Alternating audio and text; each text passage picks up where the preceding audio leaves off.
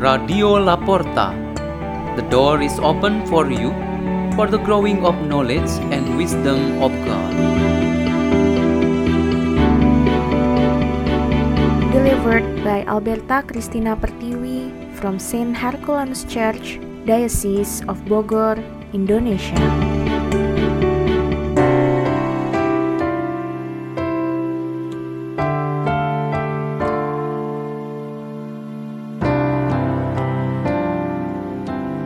Reading and meditation on the Word of God on Wednesday of 16th week in Ordinary Time, July 20, 2022.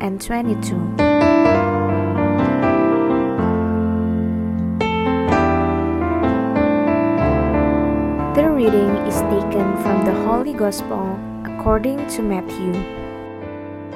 On that day, Jesus went out of the house and sat down by the sea. Such large crowds gathered around him that he got into a boat and sat down, and the whole crowd stood along the shore.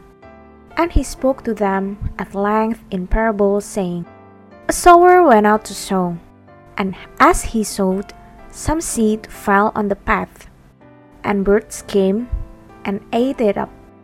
Some fell on rocky ground where it had little soil. It sprang up at once because the soil was not deep.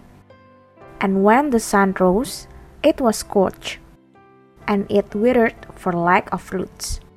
Some seed fell among thorns, and the thorns grew up and choked it.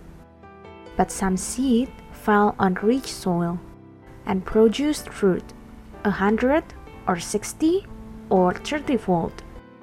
Whoever has ears ought to hear. The Gospel of the Lord.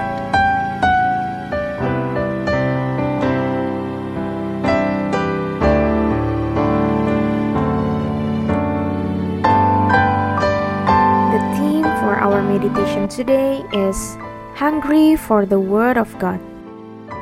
There is a fifth grade elementary school student who approached the pastor after the Holy Mass was celebrated.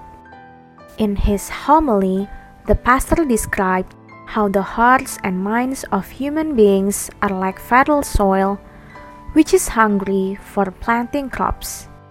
The boy said to the pastor in this way I felt like I was hungry before the Mass, but after hearing your sermon and to the end of the Mass, I didn't feel hungry anymore. The priest then said to a number of people who were there that if all people who attend the worships and celebration of the sacraments with the attitude like that elementary schoolboy, our church will be an ideal church desired by the Lord Jesus. For the Lord always says, as stated in the scriptures, Whoever is hungry for me and comes to get food from me, he won't be hungry anymore. When the Lord Jesus says, The seed that falls on good soil produces hundredfold fruits, he wants to teach us about hunger for the Word of God. Good and fertile soil is a symbol of ourselves as individuals and group of people, both in families and in communities. That elementary school boy is a representation of all of us, which makes the Word of God a special gift of God that is poured out and falls into us, and of course, is expected to grow there. How God's Word can grow and ultimately multiply as well.